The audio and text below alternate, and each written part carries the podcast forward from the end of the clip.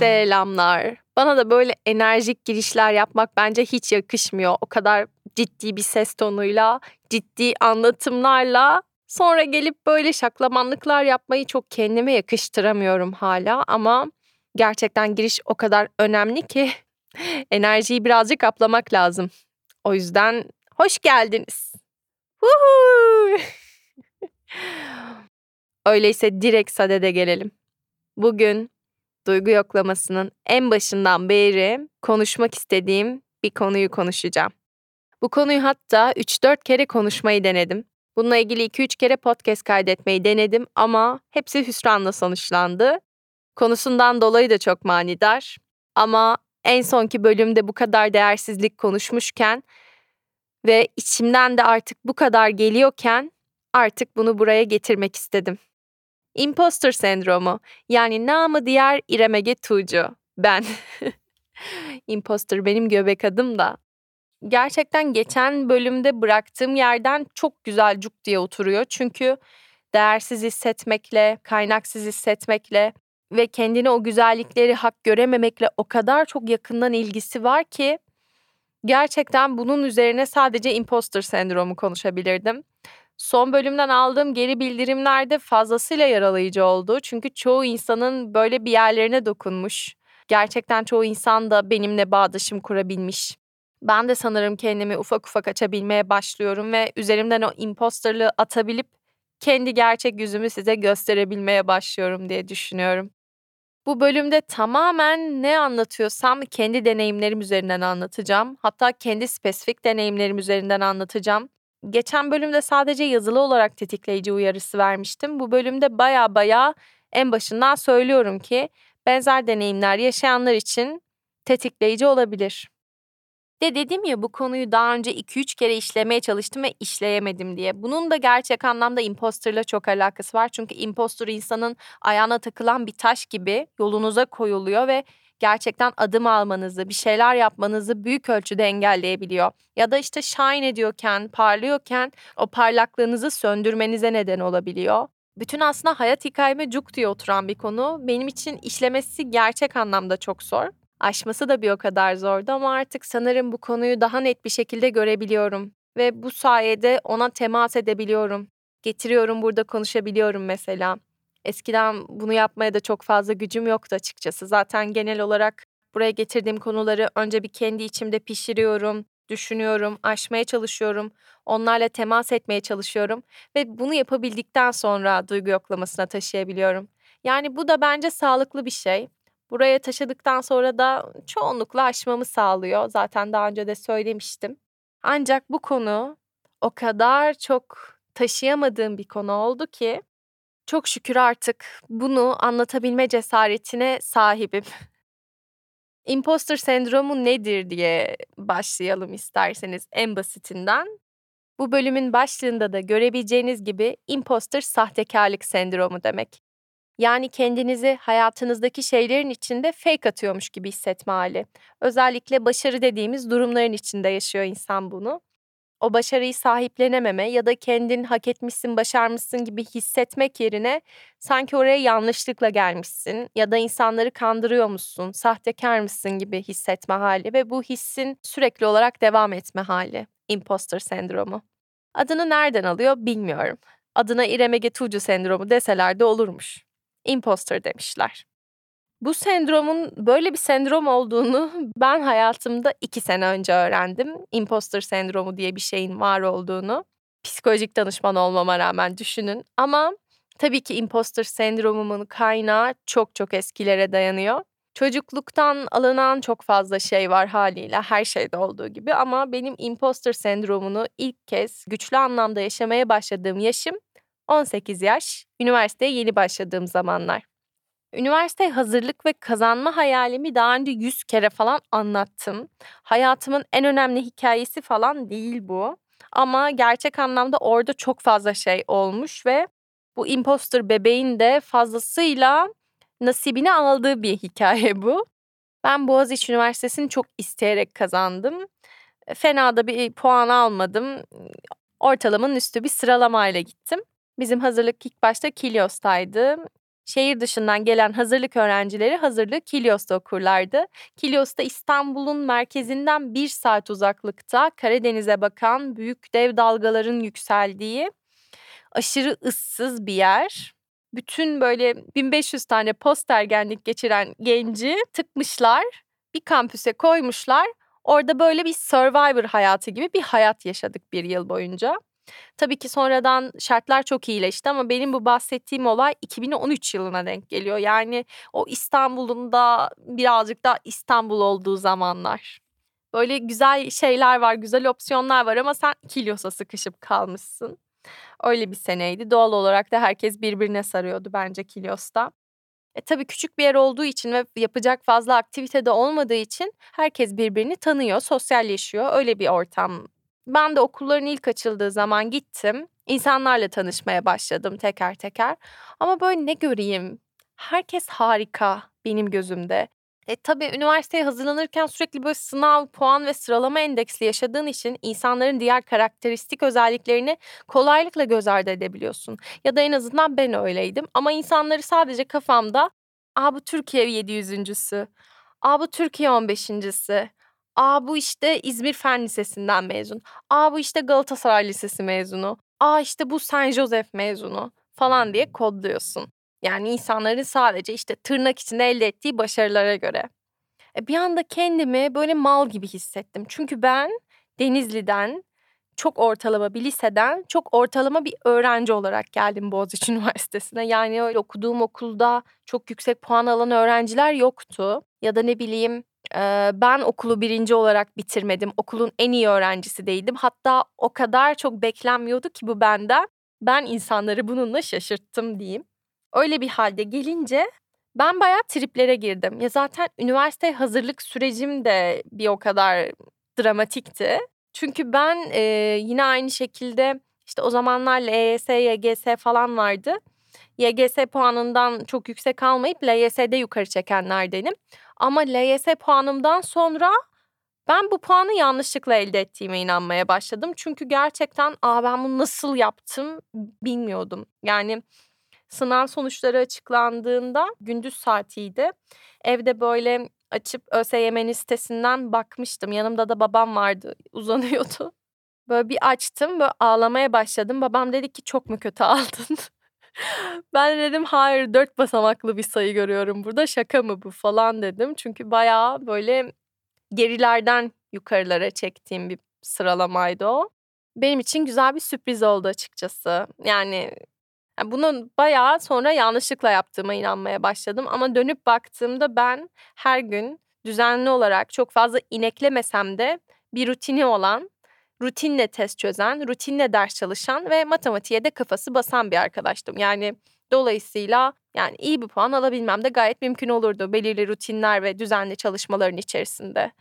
Yani bunun o zamanlar ama tamamen tesadüf olarak görüyordum. Üniversiteye başlayınca da birbirinden pırıl pırıl gördüğüm, iyi puan almış, iyi okullardan mezun insanların arasında kendimi berbat hissetmeye başladım. Bir de bunun tabii başka bir boyutu daha var. Sen o Kilyos'tan kalkıp otobüse binip bir saat yolculuk çekip Boğaziçi Üniversitesi Güney Kampüs'e gidiyorsun. Dünyanın benim için en güzel kampüsü hala. Ve çeşitli kulüp etkinliklerine katılıyorsun. Bir hazırlık öğrencisi, bir hevesli olarak. Ben de müzik kulübüne gidiyordum. Müzik zaten hayatıma hep böyle kıyıdan köşeden dahil olmaya çalışıyordu o yıllarda da. Müzik kulübüne gittim ve böyle gerçekten müzik kulübünün de o sene böyle en altın yılı falandı. Benim en azından 9-10 yıldır gördüm. Şimdinin böyle ünlü olmuş çok iyi sanatçıları o zamanlar korolardaydı. Ve tabii yani bu kadar iyi, pırıl pırıl, yetenekli insanlar görünce benim bayağı moralim bozuldu. Çünkü benim sesim iyi değil o kadar. Sadece hevesim var falan. Ve böyle insanlar bildiğin parlıyor. Sesleri mükemmel. Hayatımda hiç böyle bir insan sesi duymamışım o zamana kadar Denizli'de. ne bileyim işte böyle herkesin on parmağında on marifet. Ya insanların böyle hem ortalaması çok yüksek, hem tipleri çok iyi, hem çok yetenekliler, çok iyi işler yapıyorlar. Hem de böyle çok sosyaller, çok havalılar. Hem ne bileyim işte yüzme takımındalar, işte voleybol bir şey yapıyorlar. Ve böyle tabii bu insanlar her şeyi nasıl bu kadar iyi yapabiliyorlar diye düşünmeye başladım ve kendime dönüp baktığımda yapabildiğim hiçbir şey yoktu benim gözümde.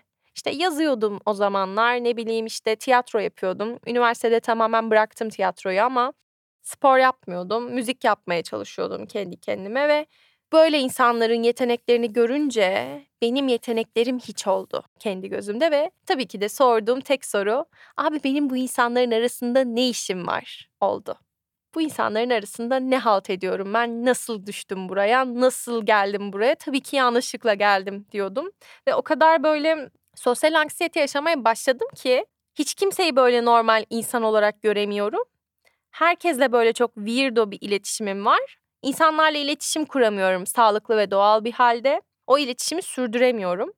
Böyle bayağı içine kaçmış balonun ötesinde bir şey oldum yani hazırlıktayken 2013-2014 yılında. Sonradan tabii böyle yavaş yavaş açıldım ama o hazırlık senesi benim açımdan çok kötüydü. Çünkü sürekli insanları kendimle kıyaslıyorum ve kendimi bir hiç olarak görüyorum. Kendimi çok yeteneksiz olarak görüyorum. Çok başarısız olarak görüyorum.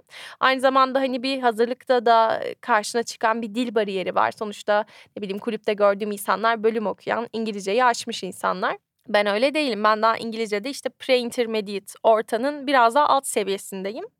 Ve böyle dili de çözemiyorum. Dersleri anlamıyorum. Derste mesela hoca full İngilizce konuşuyor, sinirlerim bozuluyor. Zaten böyle uyku problemleri yaşamaya başlamışım. Geç kalkıyorum, bir şeyler oluyor falan. Yoklamadan kalacağım.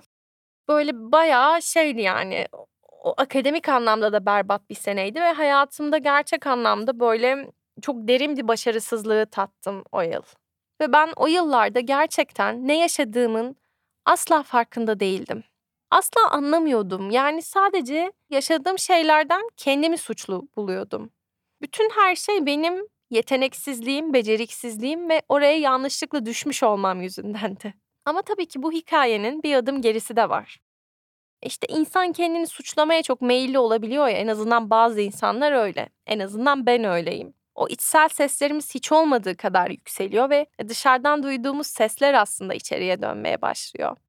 Benim o zamanlar içinde olduğum bir ilişkim vardı. Yaklaşık işte iki buçuk sene süren bir ilişki. Ee, bu ilişkime ben lisedeyken başlamıştım. Ee, aynı kurumdaydık. Sürekli deneme sınavlarına beraber giriyorduk ve her hafta deneme sınavından sonra kavga çıkıyordu. Ben ondan daha yüksek bir puan aldığım için deneme sınavında. Bir de 12. sınıfın başındayken herkes birbirine işte hangi üniversiteyi, hangi bölümü hayal ettiğini söylerdi ya. O da bana çok net bir şekilde kapasitene göre hayal kur. Bence fazla uçma demişti. Senin kapasiten belli demişti. Ay çok gülüyorum ya şu anda. yani yani o zamanlar hayatımın merkezine koyduğum bir erkekti o şahıs ve böyle şeyler söylemiş olması, her deneme sınavından sonra büyük huzursuzluklar ve kavgaların çıkıyor olması, edindiğim akademik başarıya hiçbir zaman sahiplenemememe neden oldu. Çünkü onu sahiplenmem demek huzursuzluk ve kavga çıkması, sevdiğim insanla aramın bozulması demek oluyordu. Yani böyle bir yanlıştı bence ama bana bunun ne kadar zarar verdiğini, aslında uğradığım şeyin ne kadar ciddi bir psikolojik şiddet olduğunu ben çok çok daha yeni anlayabiliyorum. Yani aynı şekilde o baskı vesaire o üniversitenin hazırlık senesinde de devam etti. O kişiyle devam eden bir ilişkim oldu çünkü. Daha sonra bitti zaten kendi zamanında. Detaylara zaten fazlasıyla gerek yok. Yani böyle yaşadığım bir durumda var. Yani bunu kesinlikle kimseyi suçlamak için söylemiyorum ama Dışarıdan sistematik olarak maruz kaldığımız şeylerin bizde büyük ruhsal yaralar açması gerçekten kaçınılmaz. Bu da o yaralardan birisiydi ve imposterımın babası oldu kendisi. Öyle söyleyeyim.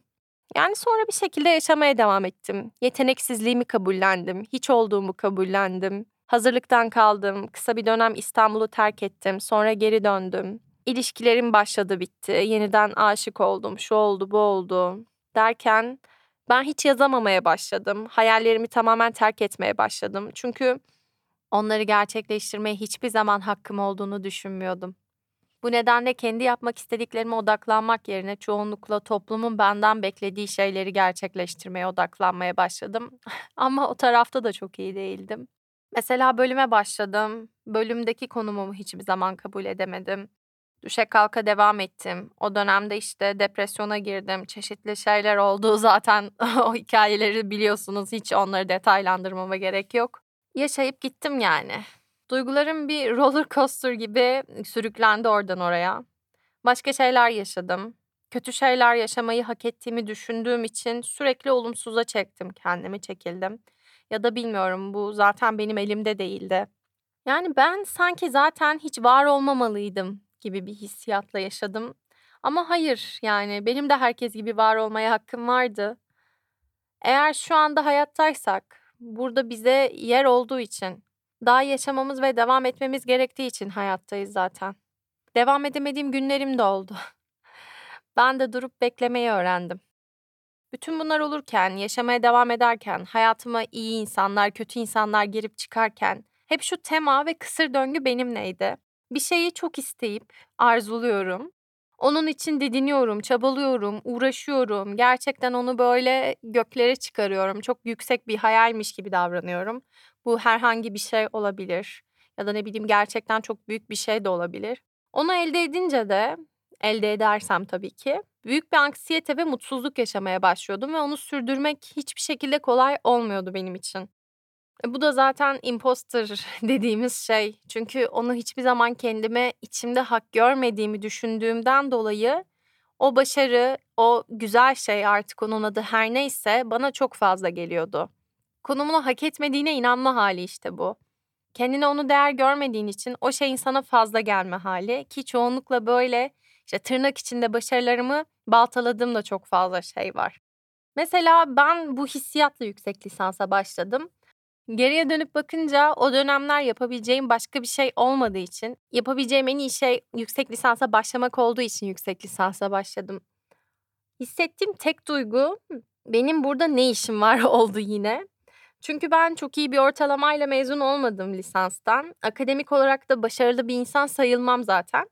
Yani tamam ideallerim vardı yüksek lisansa başlarken. Gerçekten çok idealist fikirlerle başlamıştım. Bu da tabii ki kabul edilmemde ve başlamamda, motivasyon kazanmamda büyük ölçüde yardımcı olmuştu ama genel olarak işte böyle bölüm birincileri, bölümden iyi ortalamalarla mezun olmuş insanlarla aynı programdaydım, aynı dersler alıyordum. Ve yine hissettiğim şey benim burada ne işim var oldu. Ben bu kadar pırıl pırıl başarılı insanın arasında ne yapıyorum? Ben başarısızın, yeteneksizin, beceriksizin önde gideneyim. Ben ne yapıyorum burada? Hissiyatı oldu. Ve gerçek anlamda orada bir durup bir dakika İrem neden böyle düşünüyorsun ki? Niye başarısız olduğuna inanıyorsun sorusunu kendime ilk defa sorduğumu hatırlıyorum. O zamanlar birlikte startup projesi yaptığımız bir arkadaşımız böyle çok da pırıl pırıl bulduğum bir insan bir gün bana gelip ben imposter yaşıyorum dedi ve ben de dedim ki imposter ne? Bilmiyorum çünkü. Yani imposter ne demek? Sonra da anlattı işte böyle bir hissiyat falan filan. Ben de bir girdim Google'ladım. Çok da böyle cahil oldum belli olmasın diye. Gerçekten o anki yaşadığım o aydınlanma böyle cuk diye bir ses çıkardı. Yani hayatımdaki o eksik puzzle'lar, bütün o parçalar birbirine böyle cuk diye oturdu yani o an. Ve büyük bir rahatlama yaşadım. Okey, bunun bir adı varmış.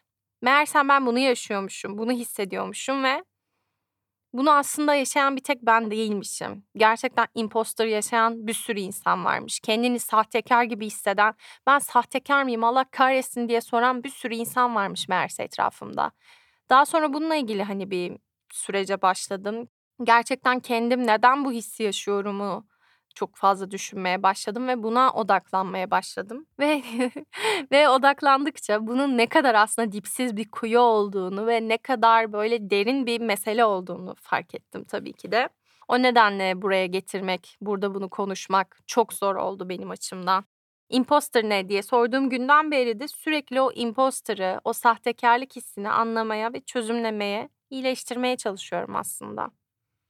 Yani zaten deneyimleyenler bilir. Böylesine derin ve kronik bir sahtekarlık hissi yaşıyorsan iki günde iyileşecek bir şey değil bu. Ama ona çıplak gözle bakabilmeye başladığında, onun altında yatan değersizlik hissini ya da başka bir sürü şeyi görebilmeye başladıktan sonra bir çorap söküğü gibi gerisi gelebilmeye başlıyor sanki. Yani en azından benim deneyimimde böyle oldu. Ama bazen sadece o yaşadığımız acıyı görebilmek bile yetiyor.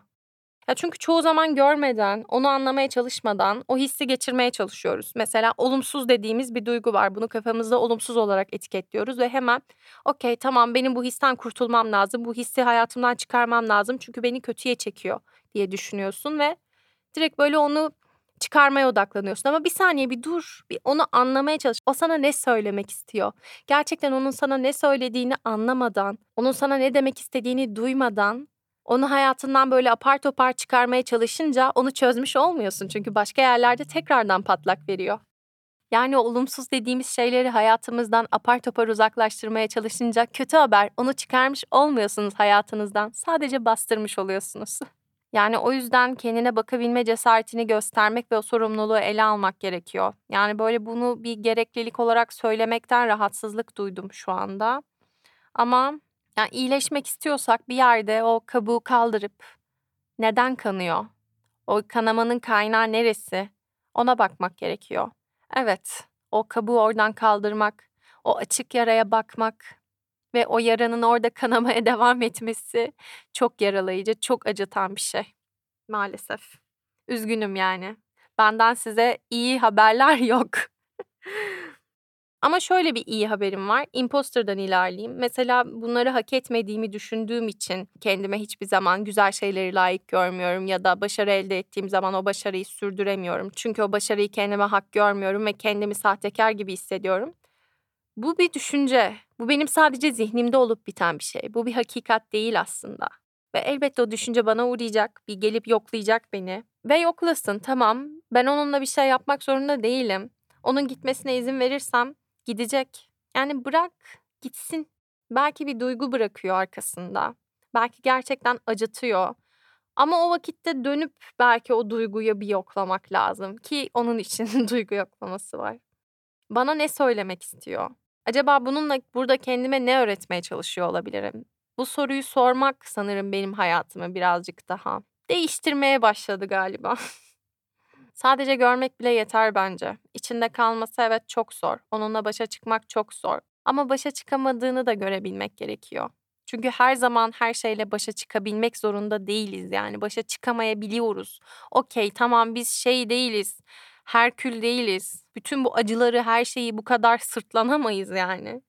Ve aslında ben de Herkül gibi acılarımı sırtlanamadığımı geçen sene yaşadığım bir olayda, bir durumun içinde çok güçlü bir şekilde öğrendim. Daha önce de böyle minik minik bahsetmiştim ama hiç sanırım bu kadar detaylı bahsetmedim. Hayatımın en iyi opsiyonu olacağını düşündüğüm için Fulbright bursuna başvurdum. Fulbright bir Amerika yüksek lisans doktora bursu. Çok prestijli bir burs. Çok az insana veriliyor. İşte yüksek lisans sürecim devam ederken işte ne yapacağım, işe girmek istemiyorum, akademi güzel gibi o zaman akademiden devam edeyim kafasıyla Böyle bayağı Amerika'da doktora programlarına bakmaya başladım. Biraz da şey modundayım. Öf gideyim yurt dışına taşınayım, hayatım kurtulur falan gibi. Bu burs karşıma çıktı. Zaten biliyordum ama hiçbir zaman böyle başvurmayı ciddi ciddi düşünmemiştim. Başvurdum. Bayağı böyle hazırlandım başvurusunu yaparken. Streslere girdim. Sonra mülakata çağrıldım. Mülakat da bayağı böyle kırk takla atarak geçti. Sonra bursu kazandığımı öğrendim. Hani yedek aday olarak kazandım. Yani böyle bursu alıp almayacağım asil adayların e, bursu seçip seçmemesine göre belli olacaktı ama neticede seçilmiştim. Ve tam geçen sene bu zamanlar oldu aslında bu olaylar ve seçildikten sonra dünyanın en mutsuz insanına dönüştüm ve yeniden bir depresif bir döneme girdim. Böyle asla mutlu olmuyorum, asla sevinmiyorum, okullara başvurmam lazım, işte GRE, TOEFL dediğimiz o Amerika başvuruları için gereken sınavlara girmem lazım. Ben böyle ölesiye kendimi sabote etmeye başladım o okullara başvururken, o sınavlara çalışırken. Yani böyle içimde büyük bir huzursuzluk ve mutsuzluk var. Asla hak ettiğime inanmıyorum. Benim burada ne işim var sorusuyla yine karşılaştım ve gerçek anlamda orada komisyonu kandırdığıma ve bir sahtekar olduğuma inanıyordum az kalsın. Tabii ki bunu böyle sürdüremedim. Bir tane doktora kabulüm vardı ama ben bir şey yapmadan zaten yapacağını bedenim yaptı ve dizimi kırdım. Dizimi kırınca okulumu dondurdum. Okulu dondurunca burs programından ayrıldım. Haliyle doktoram da düştü. 250 dolar ödeyip bir sonraki seneye erteleyebiliyordum aslında kabulümü ama istemedim. Çünkü Doktora yapmak istemiyorum. Hani bunu çok net bir şekilde farkındayım. Aslında beni mutsuz eden de sadece kendim için iyi olabilecek opsiyona bakmakmış. Ama o kendim için iyi olacağını düşündüğüm opsiyon benim istediğim opsiyon değilmiş. Ve bir taraftan da tabii bana büyük bir impostor yaşatıyordu. Onun öyle bir boyutu da var. O programdan da böylelikle çıktım. Yani dedim ya aslında imposter yaşayan birisi olarak tırnak içine bir başarı elde ettiğimde o başarıyı bir şekilde baltalayabilmeyi ve o başarıya çomak sokabilmeyi başarıyorum diye. Bunu da bir kaza geçirerek yaptım mesela. Bunu hiç tesadüfi görmüyorum açıkçası. Ama her şerde bir hayır varmış derler. Gerçek anlamda bütün bu süreci, bütün bu imposter'ı, bütün bu sahtekarlık duygusunu hiç olmadığım kadar çıplak gözle görebildim bu süreçte ve aslında ne kadar çok değersiz hissettiğimi, güzel şeylere karşı, yatırım alabilmeye karşı kendimi ne kadar çok hak görmediğimi gördüm. Yani itiraf etmeliyim. Şu anki işimde de mesela hala imposter yaşıyorum. Çünkü daha önce hiç yapmadığım bir işi yapıyorum. Ve bu da bana hali hazırda kaygı verebiliyor ama her seferinde şunu kendime hatırlatmaya çalışıyorum. İrem, hak ettin. İrem çalıştın. İrem bir şeylere emek verdin ve o yüzden buradasın. Tabii ki de burada olacaksın. Çünkü köpek gibi çalışıyorsun, kraliçe gibi yaşayacaksın diyorum. Gerçekten bunu böyle kendine söylemediğin sürece, geçen bölümde de söylediğim gibi çok kolaylıkla unutabiliyorsun. Yani bunları bana benden başka kimse hatırlatmayacak. Yani en fazla annemiz babamız söyleyebilir ama annemize babamıza da böyle yükler bindirmeye gerek yok. Bence en pratiğinden insanın bunu kendisine söylemesi gerekiyor. Sen bunu hak ediyorsun. Sen şu anda hak ettiğin konumdasın. İşte başarı dediğin şeyleri hak ediyorsun. Güzel şeyleri hak ediyorsun. Çünkü buna değersin. Allah kahretsin buna değersin. Bazen böyle şey olabiliyor yani. O kadar çok değersizlik hissi yaşıyorum ki sinirlenerek söylüyorum. İrem of sen buna değersin. Allah kahretsin anlıyor musun diye. İşte dedim ya aslında görmek bile yeter diye. Görmek deyince insanın aklına çoğu zaman teselli vermek, şefkatli davranmak, işte böyle başını okşamak gibi şeyler geliyor. Tamam, okey. Başını okşayarak bunları kendine söylemek çok güzel ama görmek sadece görmek aslında. Birisine hiçbir şey söylemeden, söylediklerini anlamlandırmaya çalışmadan, sadece seni görüyorum diyebilmek. Bence acıyı özgürleştiriyor. Kendime seni görüyorum diyebilmek ve kendimi gerçek anlamda görebilmek. Ne yaşıyorsam, ne hissediyorsam onu olduğum gibi kabul edebilmek. Sanırım beni de birazcık iyileştiren bu oldu. Çünkü aslında ne teselliye ne de anlamlandırmaya ihtiyacımız var. Ve ben de biliyorum, hissediyorum oralarda bir yerlerde görülmeye ihtiyacı olan, beni dinleyen birileri olduğunu. Teşekkür ederim, beni görüyorsun. Ama şunu söylemek istiyorum. Oralarda bir yerlerde kendini sahtekar zanneden seni görüyorum. Belki beni hiç tanımıyorsun. Ben de seni tanımıyorum. Ama acını görebiliyorum. Ruhunu görebiliyorum. Hissedebiliyorum. Aynısından bende de var çünkü. Yaşanmaya ve anlatılmaya değer bir hikayem var. Kendi hikayeni dinleyebildiğin zaman hikayeni dinleyenler olacak. Bir de ben katsam ne olacak sanki diyorsun belki. Sen katmadığın zaman eksik kalacak. Hiç kimse senin pencerenden bakamayacak. Sesini çıkarmak isteyip çıkaramadığında hiç kimse seni duymamış olacak. Ama çıkarsaydın en azından kendin duyardın. Yani varsın kimse dinlemesin. Sen dinlerdin. Ve ses öyle bir şey ki illaki bir yerlerde vuku buluyor. Yankılanıyor odanın duvarlarına bile olsa. Harekete geçersin. Çünkü ses hareketli bir şey. Evet belki sıkışıyorsun. Yapamıyorumların içine. Seni görüyorum.